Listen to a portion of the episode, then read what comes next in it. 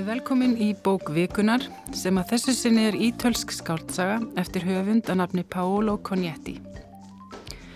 Bókin Áttafjöll kom út á Ítalíu árið 2016 og hlaut strekaverlunin, virtustu bókmyndaverlun Ítala og einni streka Giovanni-verlunin fyrir bestu bók Ungs Ritthöfundar. Bókin hefur vist verið þýta á rúmlega 30 tungumól og nú einni á íslensku en það er Brynja Kortes Andresdóttir sem þýðir.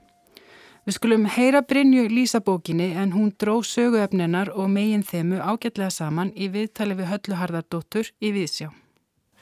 Já, þetta er, mér finnst þetta frekar svona lástend bók um tvo drengi og þeirra vinskap og svona þeirra samband við náttúruna og umhverju sitt. Uh, sögumæður er Pétró sem er í byrjum bókurinnar eru þau svona tíu ára eitthvað sluðis og hann er enga bat fóröldur sinna alveg upp í Mílanó en þau fara alltaf á sumrin og dvelja í litlu þorpi í Ölpunum sem er svona mannsinn fívilfeguri og þar kynist hann sveita stráknum Bruno og þeir verða bestu vinnir og svo haldar áfram að vera vinnir fram eftir öllu en hún fjallar semst líka um samband Pétrós við fóraldur sína og sérstaklega pappa sín. Þetta er svolítið svona kalla bók eða svona bók um kallmenn og, en, og þeir eru allir doldið svona einfarar og drekka svolítið mikið grappa og eru svolítið svona, svona norrænir á vissan átt og, og allir elskaðir þessi fjöll en eru með mjög svona ólíka afstöðu til þeirra og pappi vil svona sigrast á fjöllunum ganga á tinda. Svo er Bruno er náttúrulega bara svona uh, aðlinarnu upp og svona partur af þessu. Og svo er það Pétur sem er kannski með svona doldi romantískar hugmyndir um svona frumstaða lifnarhætti og svona þessa menningu sem að þarna þrýfst en er svona eiginlega degjandi svo er svona þegar þeir verðað fullarnir þá eru þeir svona kannski að þá er Pétur svolítið mikið að máta sig við þennan vinsinn úr fjöllunum. Eða svona leita sér að einhverju svona einhverju annari leið en þessari svona vill ekki lifa svona borgarlegu fjölskyldulífi. Og þetta er kannski doldið dæmigert bara fyrir svona okkar kynnslóð að svona snú aftur til sjálfbærni og svona svolítið aftur fyrir þessar yðinbildingar allar.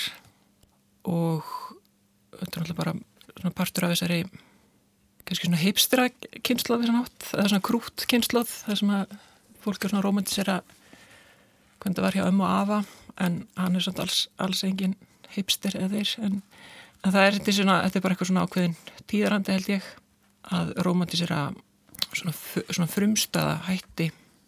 Og þessi bók er þó hann sé að svona kannski að miklu leiti um sambönd og vináttu þá er hann líka mikið um einveru. Og þeir allir svona einangar sig aldrei mikið og það er eins og einverðan sé sé svona degð sem hann kannski er að, upp á þessu marki en, en þau ganga mjög langt í þessu. Og það er jafnvel einhver svona einhver svona romantík yfir einbúa romantík eða einhver svo leið sem að Hann veltiði mynda aldrei fyrir sér sko muninum á móður sinni og föður. Fadurinn vill bara fara einn og sigrast á fjöllunum En móðurinn vil vera svona niður í þorpinu, það er hennar staður að hlúa blómánum og samböndunum við fólki sitt. Já, já hann svona öf, öfunda mjög mömmu sína og svona konurnar hann í, í kringum hann af því hvað þær eru neginn, standa betur félagslega og, en, og svona villið mitt svona, væri til að vera eins og hún en kannski er líkar pappa sínum að mm -hmm. þessu leiti. Mm -hmm. Brynja Kortes Andresdóttir lísti hér fyrir okkur bókvikunar í tölsku skáldsögunni Áttafjöll. Ég fengi til mín tvo gæsti, Stefano Rosetti, uh, aðjungti í tölsku við Háskóla Íslands og Þýðanda og Jens Pétur Kernesteð, mistarnema í íslenskum bókmyndum. Verið velkominir. Takk. Takk. Stefano, þú þekkir til ítalskar bókmynda. Hafður þið heyrt um konjetti áður og lesið að plika eftir hann? Uh, Jú, fyrir utan Áttafjöll hef ég lesið bók sem Cognetti skrifaði árið 2012 sem heitir uh, Sofía á ítölsku, Sofía si veste sempre di nero, sem sagt Sofía er alltaf svartklædd. Mm. Uh, hún var, var tilnæmt í, til premjóstregaverlunina uh, fyrir fimm árum. Já. En uh, þessi bók er uh, skáldsaga smásagna. Það er að segja hver kapli er sérkapli en allir kaplanir fjalla um mismunandi hluta og tímabil í lífinu hennar Sofju eða Sofía. Mm. Þannig að þessi bók er fyrir eitthvað óvenjuleg, myndi ég segja, líka góð bók mm -hmm. en ég myndi líka segja að Sofja er alltaf svartklædd, uh, sé dæmi gerðari fyrir svona ítalskra nútíma bókmyndir heldur en áttafjöll. E, ef, ef við tökum sem nútíma bókmyndir, það er bókmyndir sem eru ekki eldri en 20-25 ár. En uh, ég á við að stillin þessara bókar líkist tilnum marga skálsagna síðustu kynnslóða ítalskra höfunda. Uh, þennan stíl kalla ég kvíkmyndastíl eða létt hardboiled uh, stíl.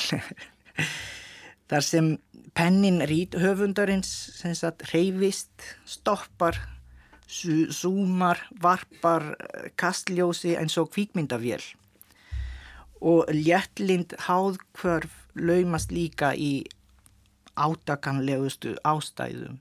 Mm. Aftur á móti er frásögnin í áttafjöll, hæg og íhugul. Mm -hmm. Það er ekkert sem líkur á.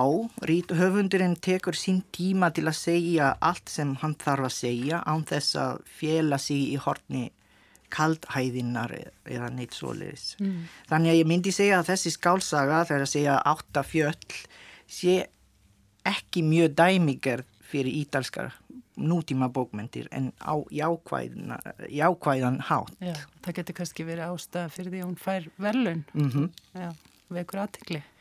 Getur alveg verið. Eh, hvað segir þú eh, Jens Pétur, þú varst ekki byrjar að lesa bókina þannig að ég hafði samband við þig fyrir þáttinn? Jú, einhvern veginn hafði ratað á ratarinn minn Já. og ég var búin að taka eftir henni tilvílinn kannski, ég held einhvern veginn að stundu vilja maður bækur og stundu vilja velja bækumann sjálfmann sko, einhvern veginn verið þannig mm -hmm. Var það titillin heldur eða efnið sem að Bara svona bæði og held ég sko þetta er kognetti er algjörlega nýr fyrir mér sko aldrei mm -hmm. hýrstum að náður Einmitt. Ég held að margir Íslandingar séu kannski að heyrum hann í fyrsta sinn þegar þýðin kemur Þetta er ungur höfundur, hann er ekki mikið eldri nýja þannig að sér sko og mér fannst gaman einhvern veginn að Stefán var að segja að þetta var ekki, ekki hefbundin ítalsbókun mér finnst það að vera svolítið svona mér finnst það svona Íslands þema í verðinni sko. ég skil vel Íslandingur sér hrifnarni mér finnst það einhvern veginn svona treyju angurverð sem að Íslensk tilfinningi henni. Já, tilfinningi fyrir henni sko, kannski, Hvað segir þú Stefán? Og þú þekkir nú svolítið á íslensku bókmyndu líka Svolítið. Finnst þér að vera eitthvað svona eh, líkt líka þar? Mm, já, mm, ég er alveg samanlega í ens já, já. Mm. En þess að bók mætti í rauninni skilgreina á marga vegu. Hún, hún fjallar um vinóttu Karla og hún fjallar um samband feðka og er kannski einhvers konar þroskasaga drengs. Uh, hún fjallar, fjallar líka inn í aðtiklisverðan flokk bóka uh, fjallabókmyndir getur við kannski kalla og þá hér uh, alpabókmyndir og það getur þá bæði verið skáldskapur og sannsögulegar frásagnir af einhvers konar fjallapríli og svaðilfjörum og fjöllum. Hafið þið lesið eitthvað á svoleiðis bókmyndum, svona yfir höfuð? Nei, ég fatt ekki að vera til alpa bókmyndir, sko, hvort það væri sér grein, sko. Nei, ég var einhvern tíman í Ölpunum í Fræklandi og það var einmitt bókahilluna fullar af svona bókum sem segja frá fjallaklifri og bæði skáldskap og sönnumsögum. Mm ég myndi að Alpan eru með landamæri á áttaríkjum þannig að ég að ætti þetta að vera stór menningi. Já, 14 miljónir íbúir búa Já. á Alpasvæðinu. Kannast þú við að þetta sé svona næstu í ákveðin bóknum þetta grein að svona skrifa um fjallalífið eða svona fjallaklifur? Sko, ef, ef hættir að tala um fjallabókmyndir þá, eða alpa, eða alpabókmyndir þá er í- svona í ítölskum, bókmyndum er fyrst, fyrsti álpa skáldið án Eva Petrarka myndi ég segja, Petrarka er skáld og ljóðskáld 14. aldarinnar sem margir þekkja fyrir, fyrir ljóðabókina hans, Canzoniere, en hann skrifaði mest á latinu og eitt af mikilvægustu verkunum hans heitir De Ottio Solitario á latinu eða um næði í, um næði í einveru þar sem rít höfundurinn fjallar mér að minna um að það er nöðsilegt fyrir mann að fara frá háfaðanum, pólitíkinni, samkeppninni, vinnunni í borgaralífinu og búa af og til á tímabilum í sveit eða upp á fjöllunum. Og það er nú nákvæmlega það sem að fjölskyldan gerir hér í þessari bók. Akkurat. E, en e, hann gerði það sjálfur, Petrarca, hann gatt keift sér hús fyrst í Vaucluse í Provence í fjöllum þar og svo um, þegar hann var gamall í Arquois sem er svona þorp eh, á hæðunum rétt hjá Padua alveg til að vera í fríði hann gerði það út af þessu. En uh, og svo en, en um, hann skrifaði Petrarca skrifaði mörg bref og eitt af frægustu brefum sem hann skrifaði e, fjallar um um fjallgöngu sem hann gerði ásamt bróður sínum upp á toppminn í, í Mont Ventoux í, í söður Fraklandi e, e, e, e, þetta er kannski, kannski fyrst í merkilegur langs, landslagsteksti e, eftir ítalska ríthöfund en svona landslægi hér er tákn auðvitað en, en þegar Petrarca kemur upp á toppin þá opnar hann bók sem hann tekur alltaf með sér. Uh, þessi bók eru játningar eftir Augustínus það er að segja aðal tekstin þess, þessara tíma um sjálfskoðun um leit sannleikans og trúverðuleikans og svo framvegis og í lokinni ákveðu Petrarca um að fylgja innra landslæginu frekar en ítra þó að, hann, að það síðar að sé heitlandi og, og, og unaðuslegt. En í bókmyndi, bókmyndum 20. aldarinnar get ég nefnt, nefnt Primo Levi sem var sjálfur mjög hrifin af fjöllum. Hann er mjög þekktur fyrir bókina Se questo un uomo, sem sagt If this is uh, men, sem uh, nefandi minn er að þýða vera á íslensku. Já. Uh, já, jú, það er smá saga eftir Primo Levi sem, sem um, heitir Ferro eða Járn. Það sem aðalpersonunar eru rítu höfundurinn sjálfur og vínur hans, Sandro, sem er mjög líkur Bruno í skálsögunni eftir Cognetti. Bruno og Sandro sagt, eru einfallega gerðir til að lifa í tengslum við fjöllum í blíðu og stríðu, myndi ég segja. Og svo eru aðri, aðri rítu höfundar eins og Mario Rigoni Stern sem fættist sjálfur í, í fjallathorpi í Asiago. Asiago er þorp sem er þekktur, þekkt fyrir, fyrir Austin, held ég. En hann fættist þar og hann, hann uh, skrifaði bækur um svona alpa, alpana og uh, lífið í fjallathorpum og, og svo framvegis. En uh, ég myndi segja að alpa bókmyndir sé ekki sé ekki grein sem, sem heitir alpa bókmyndir ég, það er nú greinilega samt, samt, ekki margir rít höfundar sem skrifa um þetta. Nei, en það er samt ákveðin hefð sem að byrja greinilega mjög snemma fyrir að skrifa svona mm. um lífið í fjöllunum því það er mjög margt þarna sem að rýmar við það sem kemur fram hjá Konéti já, já En hann, veistu hvort að hann, já ég veit að hann hefur náttúrulega eitthvað sjálfur verið uh, í fjallgöngum og, og á já, já, líka einhverju leiti bústað jú. í ölpunum þannig að hann fellur alveg í þennan flokk í runni. Þá hann sé kannski ekki stór hópur eða hvað. Nei, nei. nei. Konétti skrifaði áður en hann skrifaði áttafjöll, þá skrifaði hann svona dagbók eða eitthvað solis þar sem hann fjallar, eh, sagt, segir frá uh, reynslunni sinni í, í, í Alpaþorpunum sem íbúi þar. Allavega. En þessi skálsaga myndi segja að sé, gæti verið sagt, kannski uh, saga sagt, af, af, af, já, sem endur speklar dagbókina sem hann skrifaði rétt á undan.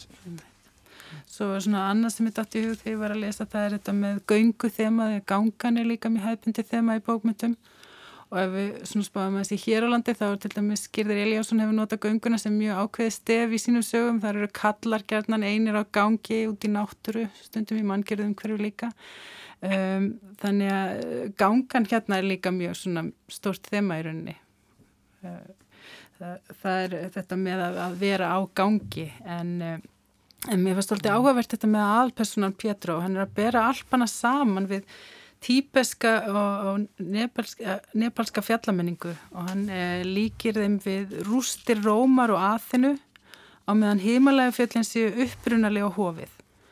Og þá er hann að, að sagt, vísa til þess hvað það er levandi mannlíf í rauninni enþá í fjöllunum í heimalega og allt svona litrikt og lifandi og meðan að í ölpunum er allt í niðunísli eins og hann lýsir því, það er svona bara rústir af þorpum eins og ef við fyrir út á land hér að þá eru endalösi svona eyðibíli og það er svona kannski svipi stemmingarnir upp í ölpunum. Um, hvað svona ég var svona spáið með þessa lýsingu og alpamenningunni annars vegar, hvað, hvað ykkur finnst um hana og líka hvort við getum tengt þetta við svolítið Íslands tálendi og, og fjöllin hér því að hvernig myndi þau koma inn í þetta? Um, til dæmis Jens Pétur, þú hefur vantarlega lesið nokkra íslenska bækur sem við getum búið saman við þessa og hérna, ég man til dæmis eftir öræfum eftir Ófeik Sigursson það sem að hálendið er afskaplega svona vilt og ósnert í rauninni, það er ekki eins og albarnir það er albarnir og þessar rústir af einhverju svona gamalli menningu. Hvernig upplifið þið þetta með svona þessa sérstöku menningu þarna í alpunum? Ég veit ekki ekki alveg, mér fannst það svona sjá eftir þessum ummælum sem hann notaði um þegar hann talar þetta við Bruno. Og mér fannst það einhvern veginn kannski vera svolítið, kannski lýsa bara sjálfum sér á sínu, sínu innra lífi sko. Já, hann segir þetta náttúrulega við vinsin sem býr ennþá þarna í þessu þorpi að þetta séu svona eins og rústir af einhverju. Þannig að, að svona já, þetta hafi verið frekar eitthvað sem snýra honum sjálfum. Já, mér fannst það þannig sko, einhvern veginn er svona þess að rústirna er einhvern veginn innra með honum hvernig, hvernig, já, hvernig hann sá eftir þessu öllu saman að hafa sagt þetta en ég veit ekki en hérna fjöllin, ég veit ekki fjöllin þetta er einhvern veginn svona af, þau eru svo afstæð einhvern veginn í stærð og, og hvernig koma fyrir þetta alltaf, ég veit ekki. Já, en segir þetta við vinsinn á svona mísmunandi hætti einmitt, já, það geti verið að hann sé að tala um sjálfan sig Ég fannst það einhvern veginn að freka þannig sko. Ja, eða líka, það er líka uh, satt það sem hann, hann segir að uh, alba menningin er í raun og veru, raun og veru að deyja út. Það er orðin ferðamanna business og mikið sko. Mm -hmm.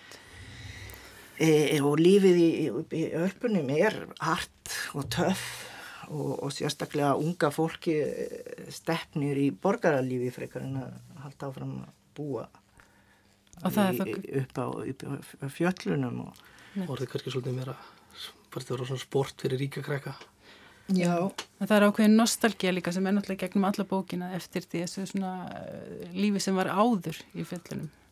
En það er kannski það sem er svolítið já, já, stert enginni á bókinni. Já, En alban menningin er eins og seg, segir meira að minna á hof í rust, rúst mm sem líkur í eyði. Og þeir náttúrulega vinirnir eru svo, það er náttúrulega þeirra sport er að fara og skoða þessar rústir og uppgötta svona fjársöði sem, sem mm. þeim finnst eða svona reyna uppgötta eitthvað e, svo minjar. Svo búar til svona einhvern veginn útöpi í höstnum á sér um þessar sjálfbarni sko sem þú romantísar þetta einhvern veginn Já.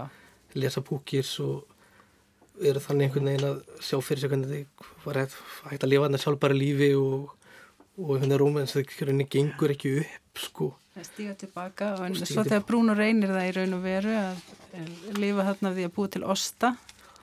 Þá sjáðu þau bara að þetta gengur ekki, sko, þetta er svo hart, sko. Já, það gengur ekki mjög vel. Já, en, já.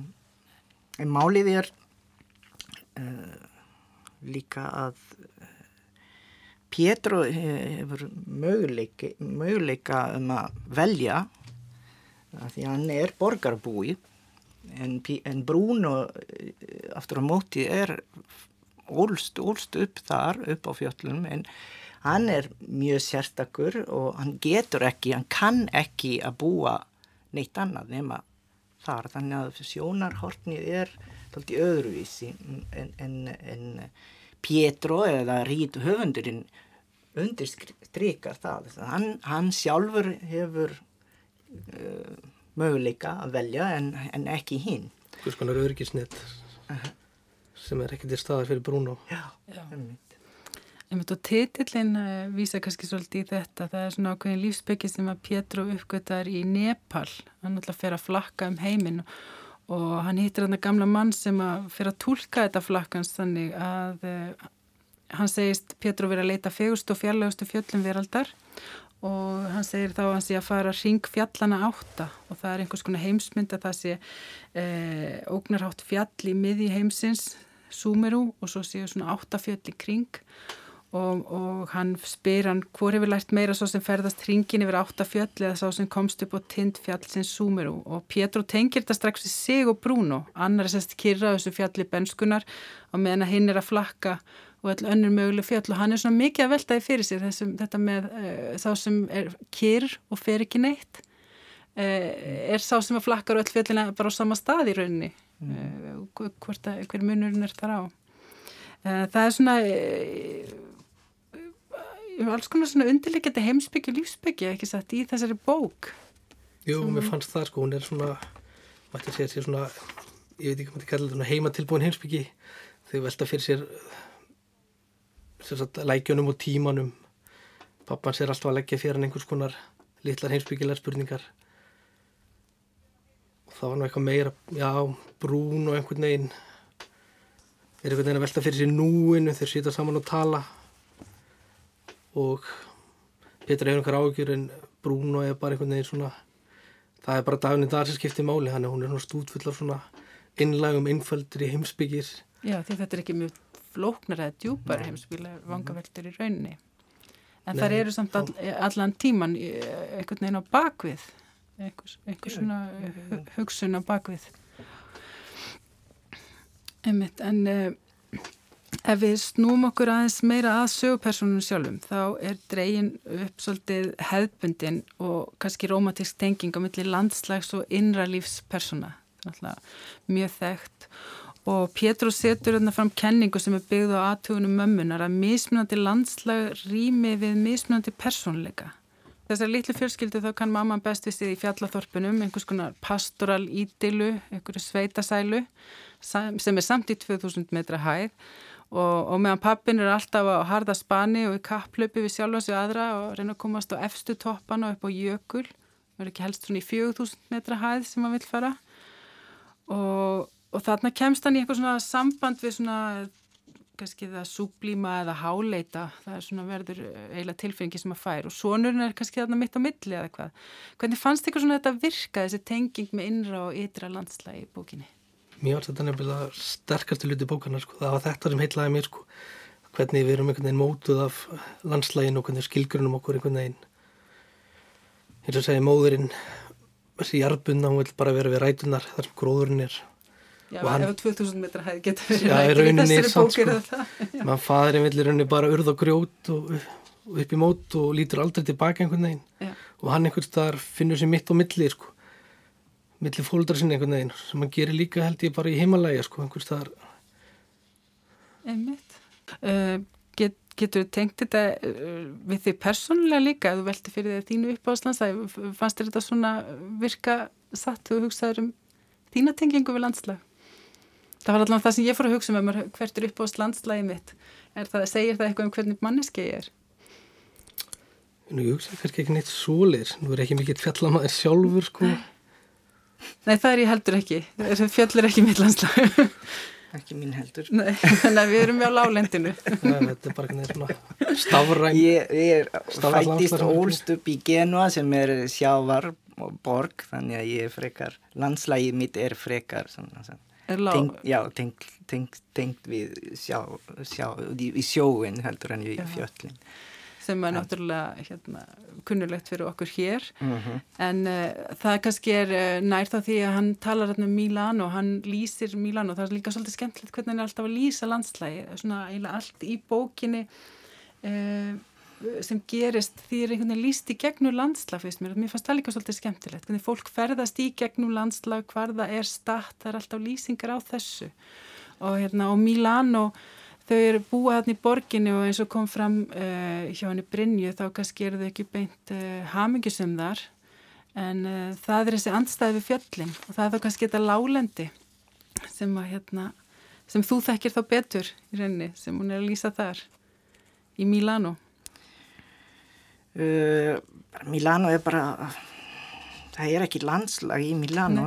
það er kannski bara máli, það er svona Já, alveg andstæðan eh, það er mjög aðtíklisveit hvernig hann hugsar þegar hann horfir út klukkanum heima hjá sér í Milano, sérstaklega þegar hann er lítill en líka setna, uh, þegar hann af og til kemur tilbaka í, í heim í, í Milano, hugsar um ána sem einu sinni í gamla daga var undir uh, götunni sem uh, hann sér út úr klukkanum sem er nú til dags fullta, gatan sem er fulla af, af, af bílum og bara alltaf, alltaf umferð og, og, og svona. Hann sér samt, eins og hann sé að ímynda hvernig þetta landslag sem er ekki lands, no, lands, no landscape væri einu sinni samt náttúra eða eitthvað svo lýs. En varðandi náttúru er líka eitthvað annað sem ég fannst aðtiklisvert í bókinni ef, ef ég má mm, má ég lesa eitthvað sem hann tala sagt blasið þar sem hann talar um uh, náttúru og borgarabúa. Mhm. það er sem sagt vinnur hans sem talar um þetta eh, Bruno. Og hann segir eh, það, er, það eru bara þýð borgarabúar sem kallið þetta náttúru. Eh, í ykkar augum er þetta svo óhlutbundið og almennt að nafnið verður líka almennt.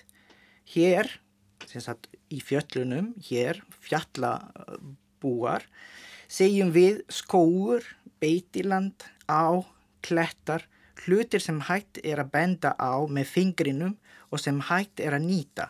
Ef ekki er hægt- að nota eitthvað, gefum við því ekki nafn því það þjónar engum tilgangi. Þannig að, já.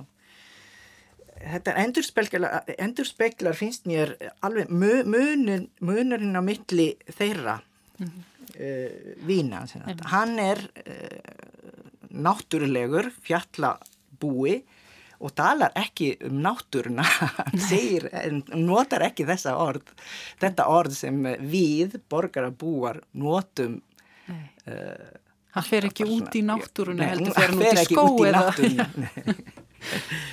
hann ber ekki virðingu fyrir náttúruna heldur fyrir þetta tré, þessi blóm og svo framvegis, þetta fjall og svona. Pétur tala líka um það í byrjun þegar þeir kynnast 11 ára og leika sér þá ég mynd nefnir hann eins og hann tali annað tungumál, einhvern veginn tákn hlutana sko, hafa alltaf aðra merkingu fyrir, fyrir hann, eins og segir. Hann kallar hann Berjó og, og, og Barma og þetta er einhvern veginn. Já, byrju því það steinn Já, berið því steinn, hann, er, hann, hann talar, hann notar þessi orð sem tákn en líka að því að þetta er líka uh, svona málíska sem uh, hann hefur alltaf heyrt heima hjá sér og svona. En já, það er mjög skemmtilegt hvern- hvernig hann já, notar orðin og hinn, sem sagt, borgarabúi, uh, Pietro, skýlur ekki alveg hvernig þetta Hann notar aðeins öðruvísi orðið Mhm. að notar þau annan hátt þá. Uh, Hérna, þetta lítur náttúrulega að vera svolítið erfitt að þýða. Já, já, En hún náttúrulega notar á stundum bara orðin eins og byrju og annað, hún svona Já, kemur með það inn. En, en hérna það er kannski þetta sem er, og talar um náttúrulega kemur fram að þeir tala ákveðið ákveðna málísku en það er kannski erfiðar að ná muninum í í tíðingunni. En uh, mér fannst alltaf típist kannski uh, þess, þessum lýsingum á fólki og náttúru með að fadirinn er tengdur hinnu hæsta tindunum og þessu súblíma og svo er mamman er tengt þessu pastoralumhverfi og fjallathorpunum og búskap og gróðurækt. Þetta er svolítið svona dæmikjær svona uh, kallveldis uh, sjónarhóttn og, hérna mjög hefðbundið og, svona ég fór að spá bara hvað eitthvað finnist um bókin eða horfið á hana með svolítið feminskum glerum. Uh, hvað svona finnst ykkur hann ef þið, þið hugsaðum um þann hátt? Mm, já, ég veit ekki. Einhvern veginn, mér fannst konurnar eldri kynslaðin taka hjónabandin einhvern veginn eins og þetta væri bara svona einhvers konar gameplan, einhvers stríðsáallin sko, það er bara móðir, móðir brún hún er bara þögnina, hún býr því til einn heim með gróðri og, og kaninum og einhvers svona. Og meðan móðir Petru, hún er meira svona nota málamiðlanir, hún er ákveðinn og einhvern veginn og það er bara einhvern veginn bygging einhvern veginn svona vegg og þeir fara ekki frá manninu sínu, þeir bara búa til einhvern veginn vinna sér gegnum umhverfið og En búa samt til eigin heimi einhvern veginn búa sér bara til eigin heim og einhvern veginn mm -hmm. Og það er náttúrulega, sko, svo kemur á móti eins og kom fram hjá Brynju líka þetta með að kallarnir er alltaf svo einir eitthvað. Þeir eru, stega, sérstaklega Pétur verið stega erfitt með nánt. Hann svona ásaldið erfitt með að kynast brún á fyrst og það er eins og hann sé svona kannski eini vinnunans eða besti vinnunans allavega. Og uh, hann öfunda mömmu sín og konurnar af svona þeirra félagslegu færni og þessu nána samfélagi. Og hérna, þannig að það kannski ekki vegur kemur svolítið á móti, það er kallatnir er, er svolítið erfileikum þarna. Mér fannst nefnilega með stort þema í bókinu það er sérstaklega þögnin. Hann hugsa stundum Petru og sko ég sagði þetta en ég hugsaði hitt. Og þeir ná ekki einhvern veginn að tengjast einhvern veginn, þeir eru svo stífir og einhvern veginn, þeir ná ekki alltaf að segja þeir langar að segja og. Meðan konurna kannski ná því frekar einhvern veginn og, og það er rauninni að gefa þeim sem, sálastriði sko það er mamman sem að kynir þá Bruno og Pietro og, og lætur þá kynnast því að hann uh, bara segir nei ég þarf ekkert að tala við þennan strák, hann er einn hann upp í fjöllunum með enga fjöla og hann uh, hefur ekki einhvern veginn kjark í sér til að stíga skrefi, það er mamman sem kynir þá þannig að þær, þeir kallarnir eru mjög mikið svona í sínum eigin heimi einhvern veginn, einir. Já, en, sko. já en, en varðandi fem, feminísman eða hvernig er fjallað um konur í bókinni, e, ef ég má, má ég lesa? Uh, má ég lesa úr bókinni? Uh, emmitt það sem Bruno, aftur Bruno segir um mamma um mömmu sína. Uh, sem sagt sem sagt hann segir að konurnar konurnar allavega í gamla daga en líka mamma hans þannig að í, í fyr, fyrra kynnslóðum gáttu ekki verið öðruvísi. Uh, það var ekki hægt segir Bruno, ég er að tilvitna. Uh, uh, já, sagði Bruno við erum eins, ég og hún og hann er að tala um mömmu sína við erum eins, ég og hún nema hvað, hún er kona ef ég fer út í skó og dvel í skójinum er það ekkert vandamál. Ef kona gerir það, er hún álítinn vera nort. Ef ég þegi, þá er, er, er það ekkert vandamál. Ég er bara maður sem talar ekki. Kona sem talar ekki hlýtur að vera hálf geðveik. Og Bruno sagði líka, ef mamma hefði verið kallmaður, hefði hún lífa, lifað fyrir lífi sem hún vildi. Hún hefði ekki verið típan til að gifta sig, held ég. Alveg áreiðanlega ekki pappa mínum.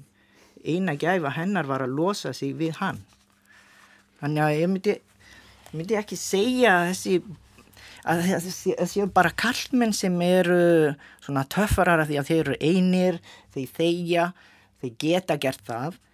Eh, heldur máli sé að eins og, og Bruno sagði að konur allavega gamla kynnslóða konur gömlu kynnslóða konur gáttu það ekki Einmitt, og það er náttúrulega um, eitt sem kemur síðan inn að það er þetta með uh, kynnslóða síðan byli því að þegar upp á hæstu toppinum þá er þetta algjört kalla samfélag konurnar, það, fólki sem þeir hitta þar eru kallar, það eru 23 kallar saman segir uh, Pétróf þegar hann fer með pappasunum á fjöll og þeir eru aldrei við pappan og þeir eru svona í einhverju samkefni svolítið um að komast rætt og komast hátt og, en þetta staðfesti líka hugmynd Pétur sem að um, það ganga á fjöll sé svona tíska frá liðinni tíð þetta er svolítið svona gamleir kallar, þetta er einhver gömur menning mm -hmm. og þannig að þetta er líka saga ákveðinar kynnslóðar og þetta með að þeir Bruno og Pétur og þeir vilja náttúrulega ganga á fjöll á sinn eigin hátt, það er svolítið mm -hmm. öðruvísi sem þeir vilja gera, þeir -hmm. vilja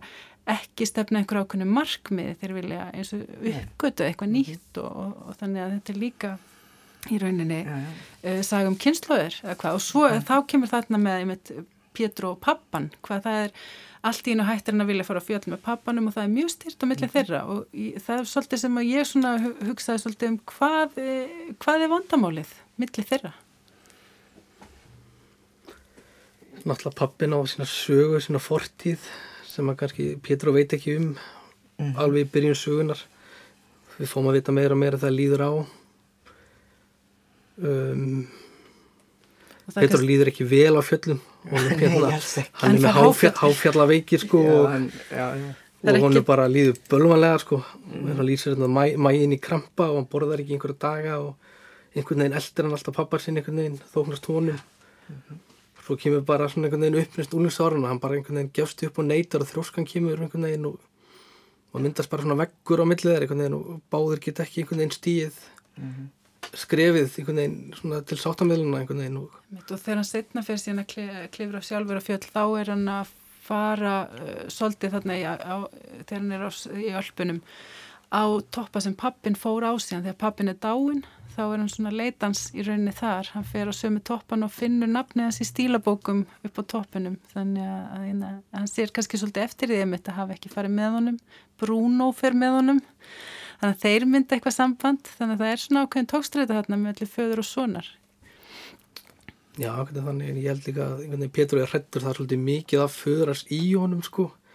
Mér finnst það einhvern veginn og það er eitthvað sem hann óttast einhvern veginn. Mm. hann er svolítið líku föður sínum á þess að kannski gera eitthvað því sko. Mm, ég veit ekki.